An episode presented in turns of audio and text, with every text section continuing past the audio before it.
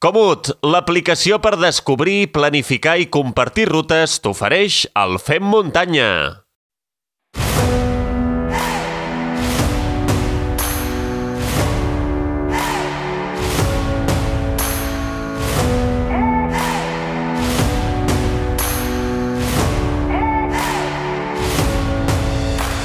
El passat diumenge 29 de maig es va córrer una edició històrica de la Cegama Izcorri. Se n'ha parlat molt del rècord tant de les tres primeres classificades com dels tres primers classificats, on tots sis van rebaixar els anteriors rècords.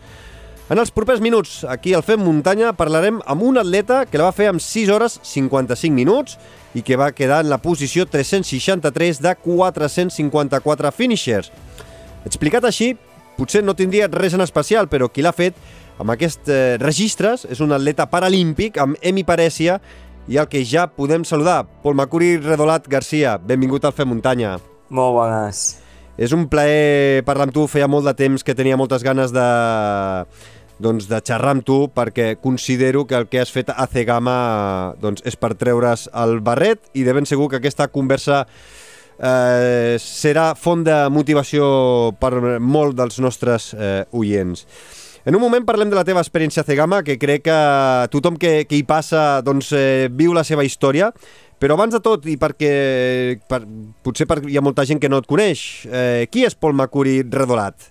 Pol Macuri Redolat és un noi de 31 anys que va, va néixer a Bolívia, per això Macuri és un nom, Pol Macuri és un nom compost, Macuri és un nom bolivià que meus pares em van ficar al néixer allà i aquí vaig vindre amb 9 mesos. I llavors, des de naixement, que tinc una biparèsia a la part dreta, família de la paràlisi cerebral, però això mai m'ha impedit a lluitar pels meus somnis, sinó al contrari.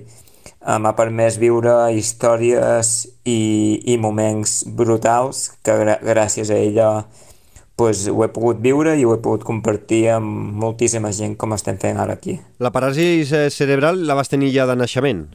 Sí, la paràlisi cerebral en el meu cas és de naixement i per, per, per explicar una mica la discapacitat que tinc o la, la diversitat funcional que tinc és la típica diversitat funcional dels dictus que m'afecta a la part dreta, a tota la part dreta del cos, braç i cama, però realment l'afectació és, és el, el cervell que, que quan era petit o, o el part doncs el cervell es va quedar sense, sense oxigen unes mil·lèsimes i em va provocar aquesta lesió. Mm, això vol dir que en aquests 31 anys sempre has tingut aquesta diversitat funcional, és a dir, sempre has tingut aquesta hemiparèsia i has tingut uh, una mobilitat molt reduïda no? la, to en tota la teva part dreta.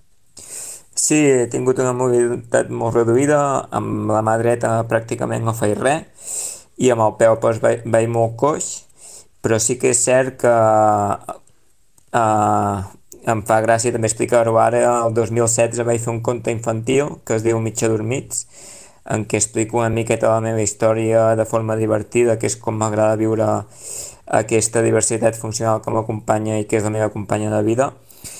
I allà vaig conèixer realment molts, moltes persones amb, amb aquesta diversitat funcional i vaig veure que era molt complexa, amb gent que li afectava més físicament, més psíquicament, que hi havia un percentatge també molt gran d'atacs de, d'epilèpsia provocat per la paràlisi cerebral, que en el meu cas no és així i que em permet pues, poder lluitar a nivell esportiu pues, amb tots aquests reptes. Mm. Ara continuem. Eh, volia preguntar-te sobre el llibre més endavant, però ja que ho has tret ara, doncs ja t'ho pregunto, no? És a dir, aquest llibre, eh, he vist algun documental, he vist algun vídeo, Eh, tinc moltes ganes de poder-lo llegir. Com, com eh, puc aconseguir una, una còpia?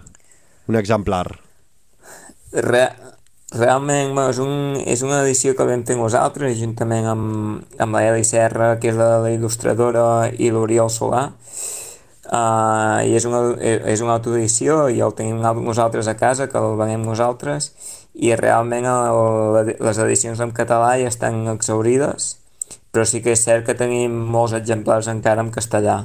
Uh mhm. -huh. I llavors és, és, seria qüestió de ficar-nos en contacte amb mi mateix i, i poder moure aquest, eh, vam poder moure eh, i fer-vos arribar en qualsevol moment. Doncs eh, ja pots apuntar un, eh, m'agradaria que fos en català, si no és possible, doncs eh, en castellà. Eh, jo en voldré un i a veure si algun oient també eh, vol algun. Segur que és eh, un llibre en el qual aprendrem eh, molt. Pol, ara que bueno, a les xarxes socials se'n parla molt de tu, ja fa, a més a més has participat als Jocs Paralímpics a, a Pequín aquest any, eh, està, vull dir, jo crec que hi ha molta gent que en, aquesta, en aquestes darreres setmanes doncs, eh, segurament que t'haurà conegut a través de les xarxes de, de Salomon. No, creus que seria un bon moment per treure una reedició en català o no? D'aquest llibre Mig adormits? Uh, podria, ho, podria, ho podríem plantejar, l'únic que també és cert que estic amb moltes mogudes diferents i disfrutant d'aquest moment que, que feia molts, molts anys que, que porto lluitant i treballant, sobretot amb uns jocs i amb uns mundials com, com es van celebrar aquesta temporada d'hivern. I, però tot és plantejar-ho i ficar-ho sobre la taula i, i veure realment si, si és possible o no. També és cert que es, ara el tema comptes digitals també es porten molt, molt presents i, i qui sap qui, si tenim algun momentet pues, poder plantejar tots aquests temes sobre la taula i, i en un futur poder, poder compartir amb molta més gent. Jo crec que és un bon moment, eh? És un bon moment i, i seria, seria un bon moment també perquè la gent conegués bé doncs, el, el teu cas. Hem posat una miqueta, hem, hem fet aquesta introducció perquè de tot el que parlarem, doncs que la gent sàpiga qui és Paul Macuri redulat, eh, doncs quina és la seva diversitat funcional, perquè eh, potser després doncs, eh, veiem fins on has arribat. Eh, com dèiem, el passat 29 de maig vas participar a la Cegama Izcorri, aquesta marató mítica, aquesta marató a més a més, aquesta cursa, eh, aquesta, aquesta edició 2022 ha sigut històrica perquè tant els tres homes com les tres dones han rebaixat els anteriors eh, rècords i tu l'has fet amb 6 hores 55 minuts. És la teva primera edició, si no vaig equivocat, i també si no he llegit malament, és la, ets la primera persona que acaba la, la Cegama amb una diversitat funcional. Sí, és així. Sí que és cert que el 2015 vaig estar fent la primera edició del quilòmetre vertical, que amb curses de muntanya és la modalitat que millor se'm dona, per la diversitat funcional que tinc, però eh, realment aquesta era la meva primera marató de muntanya i, i la primera marató amb Cegama. Quin, quina era la distància més llarga que havies fet fins ara, Pol? Fins ara corrents eren 26 quilòmetres i el meu principal objectiu a nivell esportiu era uh, arribar a uns Jocs Paralímpics i era arribar a uns Mundials. Feia 12 anys que, que estava batallant per, per intentar arribar a una fita com aquesta i realment era l'única cursa d'aquestes dimensions i d'aquesta distància que em permetia poder-me ficar o poder-me ficar aquest dorsal abans d'aquest gran repte, com eren uns jocs la pandèmia el que, el que ha provocat és que, és que sigués al revés i aquí també hi anàvem pues, amb, amb l'objectiu de tants anys somiant com eren uns jocs pues, aconseguit. Llavors anàvem a, a donar-ho tot, a disfrutar-ho al màxim i, i lo important que era compartir o donar a conèixer pues, que, que si tu tens un somni, sigui quin sigui el teu somni, que, que a base d'esforç, sacrifici eh, constància i molta, molta passió, doncs ho pots acabar fent. Que tenies dorsal pel 2019, es va anul·lar per la maleïda pandèmia Cegama, 2020, 2021, i ara ens hem trobat el 2022, que se t'ha acumulat la teva participació als Jocs Paralímpics d'aquest any, al Mundial al mes de gener i Cegama, tot el, en pocs mesos has pogut complir tres somnis eh, d'una tacada. Sí, sí, realment està sent un 2022 que, que quan hi penso em fico les mans al cap, em cauen llàgrimes i realment els jocs i els mundials per tota la moguda no ho vaig viure d'una altra manera, però aquí sí que va ser creuar la línia de, de meta de Cegama i, i començar a plorar, començar a plorar i va ser una, una, una arribada molt, molt emotiva perquè va haver-hi molta gent que es va emocionar i va ser brutal. És tan espectacular com, com sembla des de fora. Jo he pogut veure imatges eh, a, gràcies a la retransmissió que s'ha fet al canal oficial de Cegama amb l'Albert Jorquera, eh, l'Aitor... Eh, per, ha, quan han arribat segons quins corredors, doncs eh, veus l'escalfor aquella del públic i m'ha caigut la llagrimeta, per exemple, quan ha arribat la Sara Alonso, eh, doncs eh, llagrimeta, no? L'energia que, deixa, que desprenia la Sara i el públic que li tornava, no? És a dir, tu quan vas arribar eh, tenies aquesta sensació de, de, de que el públic donava més del que tu havies gastat? Sí, sí, realment el públic és, és un jugador superimportant amb aquesta, amb aquesta marató, és, és el, realment el que ho fa especial a Cegama i hi ha molts punts que, bueno, tot el curs et trobes gent per tot arreu i hi ha punts que, que l'ambientasso que hi ha és, és espectacular i que, i que has de controlar moltes, moltes emocions en aquell moment perquè t'entra el subir al màxim i pots gastar cartutxos que, que millor després els necessites. I també recordo el quilòmetre 28, no, 30, 38 més o menys, que, que em vaig trobar una persona que, que realment em va veure i es va ficar a plorar d'emoció i realment va ser un moment molt, molt emotiu. Mm. I la pujada de Santi Espíritu a l'Izcorri, què tal? Quan ho vius? Perquè jo he vist, he, vist les, he vist les imatges i la veritat és que les imatges que ens va brindar el Pere Ruian eh, és, és, és, són espectaculars. Clar, quan ets tu el protagonista i, i, i són els milers, no sé, potser 3.000, 4.000, 5.000 persones que hi havia en tot aquell tram, eh, coneixent el teu nom, no sé, no sé si eh, eh, pots definir-ho d'alguna manera o no, eh? No sé com ho vas viure tu, Pol. No, són coses que no es poden, que no hi ha paraules per, per definir-les, vull dir, són moments únics en què et queden gravats a la memòria durant sempre, per sempre i realment, o sigui, es passen volant perquè ho disfrutes moltíssim.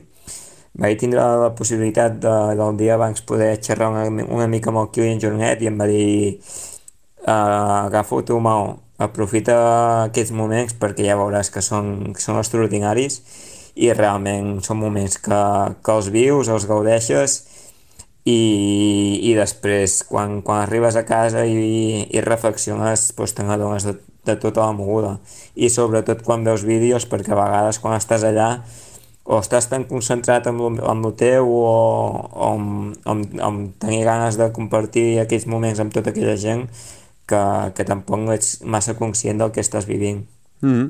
I, I escolta, Pol, les curses per muntanya les fas amb una sabatilla esportiva al, al teu peu esquerre i una bota de muntanya al teu peu dret. Eh, a més a més, hem vist fotografies a les xarxes que has utilitzat una bota de... Eh, Salomon eh, patrocina, t'ajuda, llavors hem vist una bota Salomon al teu peu dret i una sabatilla esportiva, una Sense Ride, si no recordo malament, al teu peu esquerre. Com, com és això? Com, mm, és per protegir la, la part dreta? Uh, sí, correcte.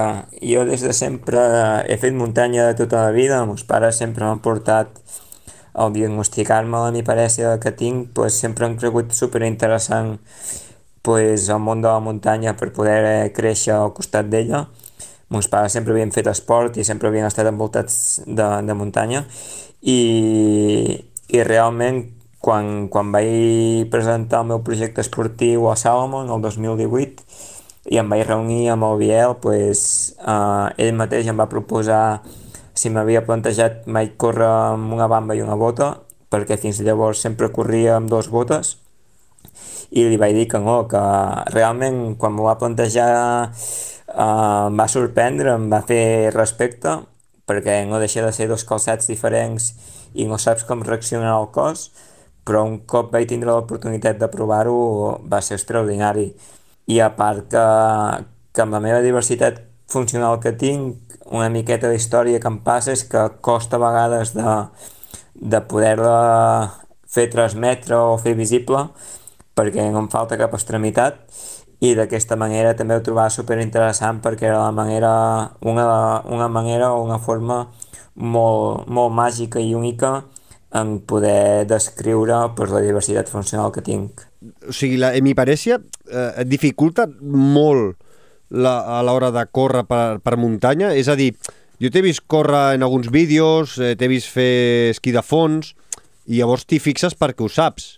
Eh, vas amb, només amb un pal, en la, en la mà esquerra, però mm, mm si no t'hi fixes eh, molt, eh, allò que dius, ostres, eh, eh, a vegades no, no, no sembla que tinguis aquesta diversitat funcional.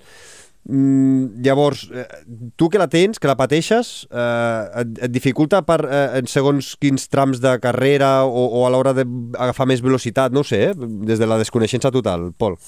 Uh, realment la sort que he tingut és que és, la diversitat funcional que tinc és, és de naixement, llavors tot, tota la vida he tingut i el meu cos no s'ha hagut d'adaptar a una nova forma de, de funcionar i l'altra cosa és que sempre he fet muntanya, he fet 3.000, he fet 4.000, he fet moltes rutes de muntanya i realment fa molts anys que estic fent uh, curses de muntanya i em sé moure molt bé per, per, per aquest terreny.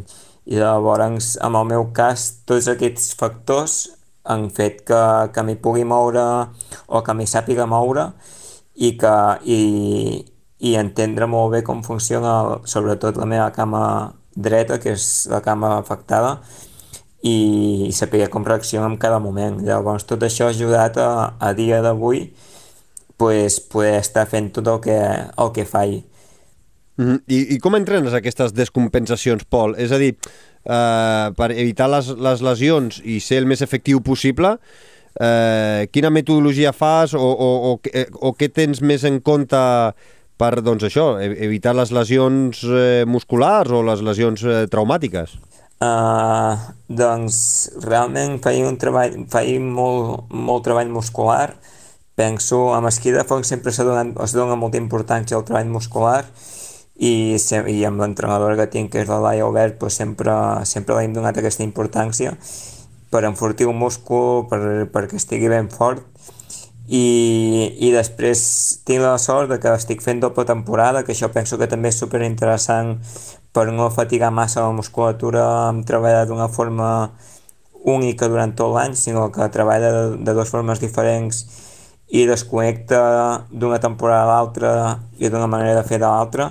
I això penso que també ajuda molt a tindre un rendiment òptim amb les dues temporades. I, i després és cert que ara últimament no estic corrent massa per no desfatigar, no, per, per no fatigar massa la, la musculatura ni, ni tendons. I, i m'estic dedicant molt a fer spinning que penso que, que és super interessant a part d'esquí de, de rodes, de sortir a córrer perquè realment has de has d'adaptar la musculatura a, a, a aquell esport però, però sí que estem fent una mica de tot per, per intentar també cuidar el cos per, per un futur o per allargar la nostra vida esportiva. Mm. I, i, i on tens més risc de, de lesions? A la part dreta o a la part esquerra? Jo sempre dic que és cert que torço el peu, però que sempre em puc torçar el peu a qualsevol moment i tindré una lesió que toquem fusta i, i que, que perquè fins ara no ha passat, però però sí que és cert que, que, que aquesta lesió hi pot, hi pot ser i pot vindre en qualsevol moment. No et sabria dir, perquè també és cert que la part esquerra, per, per contra, treballa el doble o el triple del que treballa la part dreta. El meu cos fins i tot la musculatura dreta i esquerra és molt, molt diferent. Uh -huh. la, la part esquerra està molt forta i, i es veu un, una musculatura molt potent i en canvi la part dreta no, no es veu tan, tan potent, és més fina. Feia, sempre es feia la broma del gordo i el flaco sí. perquè es veu, es veu diferència. És, és curiós per això perquè cadascú té la seva forma de treballar però sí, tinc, molt, ma, i, i tinc molt clar que, que el, el, el fet d'estar de naixement uh, tot el meu cos porta un treball a sobre que, que si ho hagués tingut ara o ho tingués ara doncs seria molt diferent i qui ha pres més d'aquí? Tu de la Laia, la teva entrenadora, o la Laia de tu? Doncs jo penso que m'ha pres molt de... Un de cada... Un de, cada un de, de cadascú, un, un de cada... Bueno, jo de la Laia i la Laia de mi, i el treball una mica que hem fet, sí que és cert que la Laia té, és l'entrenadora i és qui busca el rendiment meu, però jo també tinc una visió molt, molt interna meva. I llavors hem trobat un mixt entre els dos i hem fet un camí molt, molt potent, penso, i molt triangular per, per buscar el millor rendiment. Perquè ha, a, a vegades hi havia exercicis que, que no els podia fer o, o hi ha hagut evolucions molt interessants. O el simple fet de tindre un aparell cerebral, eh, que és el que m'afecta, el meu cos reacciona una mica cada dia diferent, depenent de la fatiga. I ho noto molt amb esquís de rodes, amb, amb esquís i amb esquís de rodes, perquè porto un, uns complements al peu llargs i hi ha dies que, per exemple, sèries, pues, el meu peu dret diu que, que no vol córrer o, o que es torça més de lo normal, llavors hem d'adaptar una miqueta les, els entrenos a aquestes necessitats. Mm -hmm. I, I suposo que anar inventant nous exercicis, no? anar pensant nous exercicis, noves formes per poder fer entrenaments de qualitat o per reforçar les, eh, la musculatura eh, has, has de buscar, no? Has de, la Laia ha de pensar com, com ajustar-ho dia a dia. Sí, és, és qüestió de, de pensar-ho cada dia i, i també hi ha, hi ha hagut evolucions molt interessants i, i després tu veus tu tens unes sensacions, li, li transmets a ella, ella valora, ho valora, mm. ho fica sobre la taula i a partir d'aquí anem treballant. Vull dir, sobretot, per exemple, muscular, hem tingut com tres blocs molt diferents amb tot el, amb, amb tot el tema de trajectòria esportiva que, que hem fet durant 12 anys. I, i veure ara tota l'evolució aquesta i a, a, a, a banda de, de, de l'evolució tècnica, física de tot tipus, però a mi l'evolució de, de treball muscular doncs, ha, sigut, ha sigut molt interessant. Uh mhm. -huh. I, I de normal, abans dels Jocs Olímpics o ara que ja han passat els Jocs Paralímpics, perdó, eh, quantes hores entrenes? Eh, per exemple, has entrenat per la C-Gama? Mira, el C-Gama ha sigut molt curiós perquè vaig, vaig arribar als Jocs amb una ressaca emocional molt, molt forta que no m'ho esperava pas. Vull dir, tenia unes ganes increïbles de, de preparar bé C-Gama, tenia moltes ganes de, de treballar molt, molt fort, però, però també és cert que, que la ressaca que vaig, que vaig tenir després de, dels jocs ningú me l'havia explicat, però, però la vaig tenir llavors uh, vaig, vaig fer una mica de peron després dels jocs per, per agafar forces i desconnectar una mica de tot, de tot plegat i després pues, com, tornar a arrencar motors per, per atacar C-Gama en condicions i he tingut setmanes de més càrrega, de menys càrrega, setmanes de més hores i menys. He, he fet alguna tirada llarga per veure com reaccionava el cos i m'he ficat algun dorsal prèvia cursa de C-Gama per veure també sensacions però realment ha sigut molt curiós això, tindre la ressaca post Jocs Paralímpics perquè mai l'havia tingut. Mm -hmm. I, però en una setmana normal, eh, quantes hores li dediques a, a, a la setmana, Pol? Uh, li puc dedicar entre 11 hores, uh, me ho tenim com 3 blocs, la setmana de descàrrega són 11 hores, setmana de càrrega màxima poden arribar a ser 24 hores, d'entreno i una mitja setmana pues, 15-14 hores d'entreno. I, I pels Jocs Paralímpics sí, vas sí, entrenar sí. i pels Jocs Paralímpics vas entrenar tantes hores o més sí, encara? Sí, sí, o sigui, del, bueno, la, per mi la temporada forta fins ara era, era l'esquí de fongs i tot anava focalitzat amb, amb esquí de fongs. Les curses de muntanya fins ara per mi han sigut d'entreno i no he buscat un rendiment o no han sigut els pics forts d'entreno perquè per mi la temporada forta era eren els l'esquí de fons i les competicions d'hivern. Buah, i d'on treus tantes hores per poder entrenar? És, eh, treballes per, per guanyar-te la vida o tenies alguna beca, algun patrocinador? Doncs durant tants anys que porto a nivell de competitiu he, he, he estudiat molts anys, vaig treballar també 3 anys que i l'empresa on estava em volia fer fixa però jornada completa i vaig haver de decidir pues, uh, què fer amb la meva vida.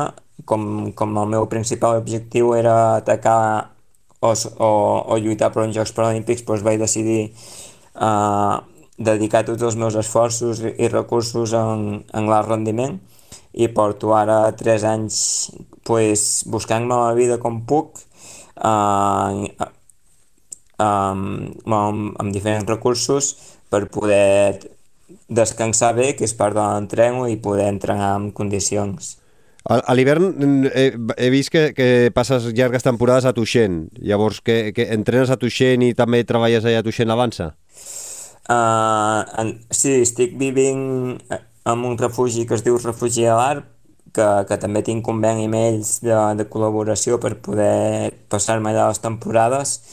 Uh, llavors aprofito, per, ja que estic, és, és un refugi que està dintre pistes, i llavors aprofito pues, amb l'escola d'esquí poder, poder treballar una miqueta perquè em permet pues, tindre tot el dia per, per poder treballar una estona i poder poder entrenar totes les hores que, que necessiti. Vull que aquest any també és cert que per centrar-me encara més amb, amb els Mundials i Jocs Paralímpics eh, vaig estar formo part de diferents equips, eh, formo part del, del CENA, formo part del, de, de l'ETFEM, i aquesta temporada he format part del CDA, que és l'equip de, els, els, el, l'equip de tecnificació d'esports de, d'hivern adaptat que hi ha a Viella, en què té tota, les, tota l'estructura està allà i realment he pogut preparar un, uns bons jocs i uns bons mundials. Mm -hmm. Parlem una miqueta dels eh, Jocs Paralímpics. El mes de març, eh, la teva primera doncs, eh, participació amb 31 anys. Com els has viscut? Eh, perquè, clar, sent el teu somni, eh, devien ser uns jocs especials per tu. Doncs sí, eren molt, molt especials. Uh, m'ho vaig... La feina estava feta, i m'ho vaig agafar per disfrutar-los a tope, per, per empapar-me de cada segon i cada minut, eh, agafar tot el que pogués d'aquella experiència. Uh, la, la curiositat per mi és que marxava amb un equip de 9 persones uh, cap a Xina, quan normalment, bueno, quan sempre he viatjat sol, juntament amb el meu entrenador o entrenadora, i llavors pues, la meva idea era disfrutar de cada segon, empapar-me en tot moment i gaudir pues, al màxim de, de cada competició que vam fer, que vam, en vam fer tres. I realment el circuit que ens vam trobar allà a Xina era un circuit no massa exigent a nivell tècnic, era molt esquiable, amb la qual cosa també ens va, em, va, em va agradar moltíssim perquè el vaig poder disfrutar amb, amb, amb, cada segon o cada, o, o cada lliscada. Mm -hmm. I, I ara t'agradaria tornar-hi d'aquí 4 anys, als propers Jocs Paralímpics? M'agradaria molt tornar-hi, però també tinc molt clar que, que tinc una, una diversitat funcional uh, molt curiosa i, i que és, a nivell visual es veu molt poc, però a nivell esportiu és de les més, de les més complicades o, o de les més afectades.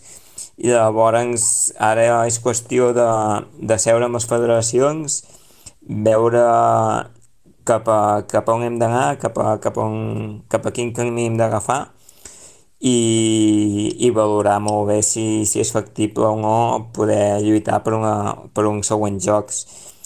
Però sí que tinc molt clar que a nivell esportiu vull continuar amb curses de muntanya, i que si a partir de les coses amb les federacions pues, veiem que no, no és factible lluitar per uns, uns propers jocs, pues, centrar-me en temporada de trail running i, i poder transmetre molts, molts valors a, a tot aquest sector com, com hem fet ara amb, amb C-Gama. I com funcionen les classificacions eh, en esquí de fons, eh, segons el tipus, de, de, de, tipus i, i grau de discapacitat? Perquè des dels de, que no estem avasats doncs als Jocs Paralímpics, clar, veiem que hi ha molts tipus de classificacions i, i no ho entenem. No sé si, si pels que ens escolten ara i alguna vegada doncs, han perdut eh, no? mirant classificacions i resultats, doncs si ens pots fer allò un resum, eh? per, per entendre-ho una mica, sobretot en l'esquí de fons, que és en el que tu hi participes. Sí, oh, i tant. Uh, amb esquí de fons, uh, la manera de, de classificar és que hi ha tres grans podis, els atletes que, van, que són secs, els atletes que, que van amb cadira, ja siguin perquè tenen afectacions medulars o perquè li falten les cames, i els atletes que, que, que competim drets. Llavors, com hi ha tantes diversitats funcionals diferents, hi ha subcategories per classificar a cada atleta en una subcategoria i cada subcategoria té un factor de correcció, que és un percentatge que representa que s'aplica sobre el nostre temps real i surt un temps igualitari. I llavors la classificació uh, fins que no s'aplica aquest factor de correcció, que s'aplica al moment, eh? vull dir, en tot moment està mm -hmm. aplicat, pues ja surt una classificació pues, pues real, o sigui, uh, definitiva.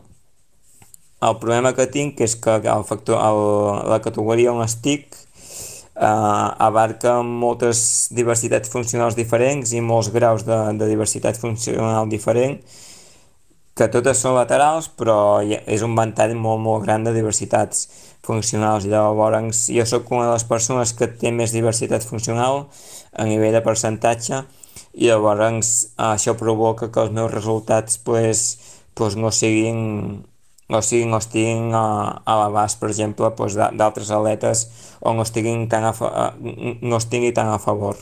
I això vol dir que, que els, eh, els factors de correcció no són justos, no són equitatius, Pol? Uh, en el meu cas sí, o sigui, no són equitatius, però te, o sigui, té molt clar que, que hi ha moltes diversitats, diversitats funcionals diferents, que cada diversitat funcional funciona d'una manera diferent i que tal com hi ha atletes que, que aquest factor de correcció els hi és favorable, doncs hi ha altres atletes doncs, com, com el meu cas doncs, que no és, no és favorable. Mm. Llavors, sempre he lluitat, o sigui, tothom ho sap, a nivell internacional ho saben, a nivell nacional també, a nivell meu i d'entrenadora també, llavors una miqueta la meva lluita, la meva la, les meves ganes de, de lluitar per aquest somni sempre han sigut per la, per la igualtat esportiva i perquè penso que tinguem la diversitat que tinguem, eh, tothom ha de lluitar pels seus somnis. I què et portes de, de Pequín? És a dir, d'aquests eh, primers Jocs Paralímpics, què, què és allò que dius mai oblidaré o aquesta experiència em servirà per sempre?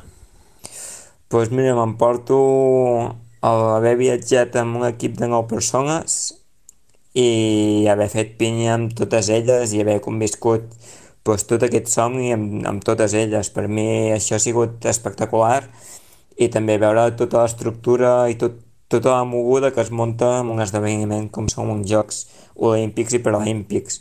Perquè és cert que quan estàvem a la villa pues era, un, era una villa només d'aletes i només que hi havia, hi havia gent, bueno, hi havia gent de, només de, de, de, dels Jocs Paralímpics, però teníem de tot, teníem des de peluqueria fins a caixers, fins a zona de jocs o realitat virtual, teníem uh, gimnàs, o sigui, era una, era una villa on teníem tots els serveis, tot tipus, i, i clar, això, això impacta, o, o sigui, això és, és una història que només la viuràs quan estàs allà i no sé si n'hi haurà alguna altra. Llavors m'emporto tots aquests, totes aquestes històries que, que han sigut extraordinàries i molt diferent al que he viscut amb Copes del Món o fins i tot mundials. Mm. I, I ara penso jo, tot, tot l'esforç, totes les hores que li has dedicat a l'esport, eh, ha fet que la teva vida, el teu dia a dia sigui més, més fàcil, més senzill que si no haguessis practicat eh, esport? Sí, uh, l'esport sempre, o sigui, sempre ha de formar part de la meva vida, uh, ja sigui quan estigui treballant o ja sigui en, en aquest moment amb el rendiment, penso que m'ha ajudat moltíssim a conèixer-me a mi mateix, a, a que la meva diversitat funcional evolucionés cap a millor i a saber com treballa. Llavors, jo estic supercontent de, de, de que m'hagin inculcat des de casa pues, el fet de, de l'esforç i la superació a, a nivell esportiu perquè realment és el que m'ha ensenyat a, a saber qui sóc i, i, i com es mou la meva, la meva, la meva amiparècia. Mm. I, i, I, per exemple, jo no sé, et crida a fer, ara que ja has provat fer una marató, et crida a fer, eh, provar l'ultradistància, provar distàncies més llargues, o això sí que ja veus que és un límit més difícil? No, no sé, eh? Uh, pues la veritat és que no ho sé, vull dir, sé que la marató ha sortit molt bé, m'ha agradat moltíssim, sí que és cert que se'm va fer molt llarga al final, però també perquè potser tenia ganes d'arribar, de celebrar-ho, de, de, de poder-hi arribar, perquè, perquè per mi era molt important el fet de, de creuar aquella línia de meta, i llavors ara és, és una distància que, que sí que la puc fer, que el peu dret sobretot reacciona molt bé, que era una de les coses que em feia patir més amb, amb el fet d'entrar de, de, de en una nova distància i llavors no, no sé si en un futur puc, puc arribar pues, a plantejar-me un, una ultra o una distància més llarga que, que per reptes i per somnis tot és possible, eh, per això. Tu, tu, tu et veus, per exemple, d'aquí un temps, eh, no sé, eh, una, una ultra Pirineu, fer els 100 quilòmetres o què? T'hi veus? T'agradaria d'aquí, no sé, eh, mm, tampoc és qüestió, qüestió de posar dates, eh, però d'aquí un any, un parell d'anys... No, ja 100 quilòmetres penso que, que la part dreta és, és, és massa exigent i és anar a cremar cartutxos que potser en un futur ja sigui per vida quotidiana o per altres històries pues, pues els puc necessitar llavors penso que una 50 poder sí, una 60 pues, millor també, però més d'aquí penso que, que ja és anar, anar a cremar cartutxos que, que després es puc necessitar. Mm. Suposo, Pol, que, que és totalment diferent patir una discapacitat física de naixement que, que patir-la per culpa d'una malaltia o, o, o accident, eh? En, en el teu cas, en el teu dia a dia, t'ha impedit fer alguna cosa que eh, doncs, haguessis volgut fer i que no hagis pogut fer? O tot el que t'ha passat pel cap ho has pogut fer sense cap mena de, de problema? Uh, per mi sí que és, és, és, és molt diferent viure de naixement que d'accident, perquè jo, per exemple, en el meu cas, pues, sempre ho he tingut, mai he tingut un accident, ni he tingut aquest trauma d'estar de, bé o, o de no tindre aquesta diversitat, a tindre-la i acostumar-te pues, a aquesta nova vida. I per mi això sí que ha sigut un, un fet que a nivell psicològic uh, també era, era, és molt diferent. I a, a, a nivell físic també, eh, però a nivell psicològic també és, has de fer un, un canvi de xip molt, molt potent. I llavors uh, m'he perdut quina era la pregunta no, sí, sí, és a dir, si, si el, el teu...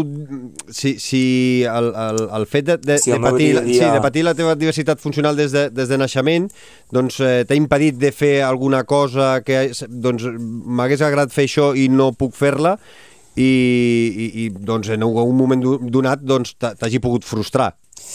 No, realment tot el que m'he proposat ho he pogut fer Uh, sempre he fet la broma de que el dia que no pugui fer alguna cosa faré un festival impressionant, però, però tot ho he pogut fer. M'ha costat més, m'ha costat menys.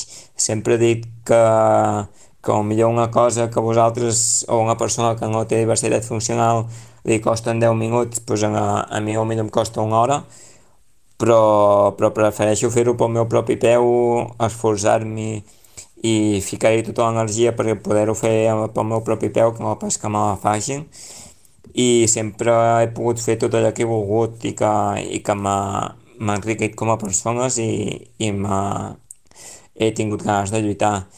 No, abans d'estar de, en tot aquest món de l'esquí de fongs i costes de muntanya, doncs vaig estar jugant al hockey i patins amb un equip ordinari i aquí sí que va haver un equip que per, pel fet de tenir una diversitat funcional i per, per intentar pues, que jo no em fes mal pues, em va comentar que era un esport que era massa perillós per mi i, però les meves ganes de lluitar i, i de, de poder viure aquell esport al màxim pues, em van fer pues, poder, poder, poder somiar i, i poder anar a petar amb un altre equip en què em va obrir les portes de bat a bat i vaig poder jugar els meus minuts, vaig poder marcar el meu gol i vaig poder viure aquell esport al, al 100%. Mm -hmm. I, I aquesta energia que, que tens, aquestes ganes de, de superació diària, a, a, a, has pogut ajudar altres persones amb diversitat funcional, ja sigui de naixement o ja sigui a causa d'un accident o, o, o una malaltia, i que, bueno, mm, el més normal és que si és per accident, doncs, eh, o per no, un trauma o per, o per malaltia, doncs eh, t'enfonsis, però que eh, hagis pogut a, a ajudar i, i veure que hi han sortides, que hi han camins i que eh, la, i que la gent doncs, es pot superar a si mateixa? Sí, penso que sobretot, que, sobretot quan vaig entrar en el món de l'esport paralímpic i, i vaig començar a tindre una mica més de moguda i vaig, vaig tindre més interacció amb, amb el món de, de la diversitat funcional pues, he pogut ajudar molta gent, li he pogut aportar pues, una mica el meu granet de sorra i, i sobretot també amb el conte infantil que vam fer pues, pues vam poder arribar a molta més gent i a moltes més famílies a, a poder lluitar pels seus somnis. I llavors que és cert que cada diversitat funcional és, és un món, que, que cada família ho viu d'una manera diferent i això també s'ha de, de valorar i s'ha de, de respectar, però, però estic content de que, de que la meva història hagi pogut arribar a diversa gent i que, que els haguem pogut animar amb tots els seus somnis. Mm -hmm. Uh, escolta, Pol, vaig acabant. Uh, a quines curses et veurem uh, en els propers mesos? Ja tens calendari? Pues, pues sí, ara que he acabat de gama tinc una mica el calendari establert. Uh, no tenia res tancat perquè m'estava esperant a veure com sortia d'aquest gran repte com era la meva primera marató, perquè no sabia com reaccionaria el cos, però ara em veureu el dia 12 a la Olla Núria, en què també em fa molta il·lusió perquè també es televisarà per TV3 i tant. I és una manera també molt, molt xula de poder arribar a tothom. I després estarem a la, a la Vall de Boí a la Garmin Mountain Festival um, fent la mitja distància de 25 quilòmetres i a la Copa del Món de, de l'esquí running del Coma Pedrosa que és una cursa també que, que l'estic fent, bueno, que la faig cada any, que, que també és super exigent, però que, que és, són les curses que a mi m'agraden, les, les curses que són d'alta muntanya, que el treball psicològic hi és al 100% i que, que això ens fa, em fa créixer com a persona a, a cada passa.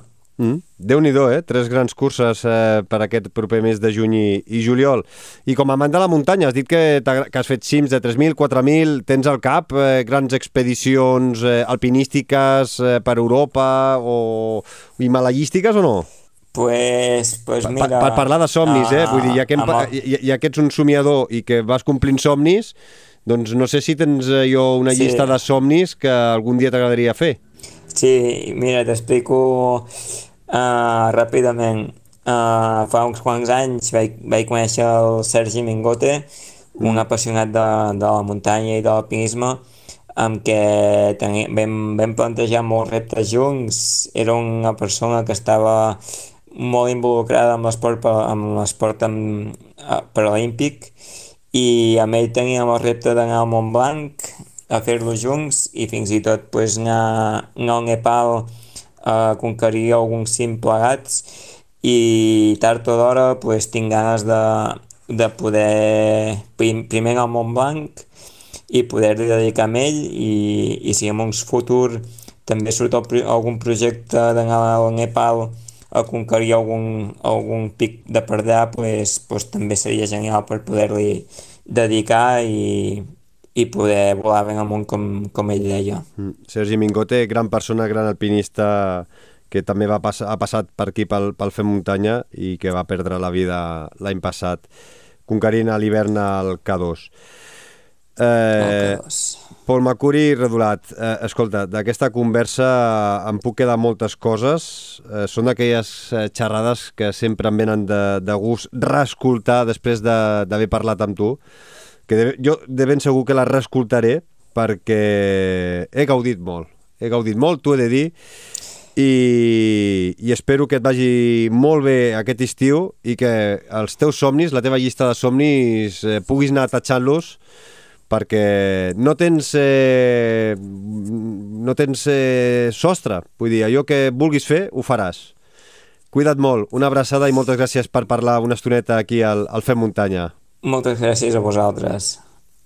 Comut, l'aplicació per descobrir, planificar i compartir rutes t'ha ofert el Fem Muntanya.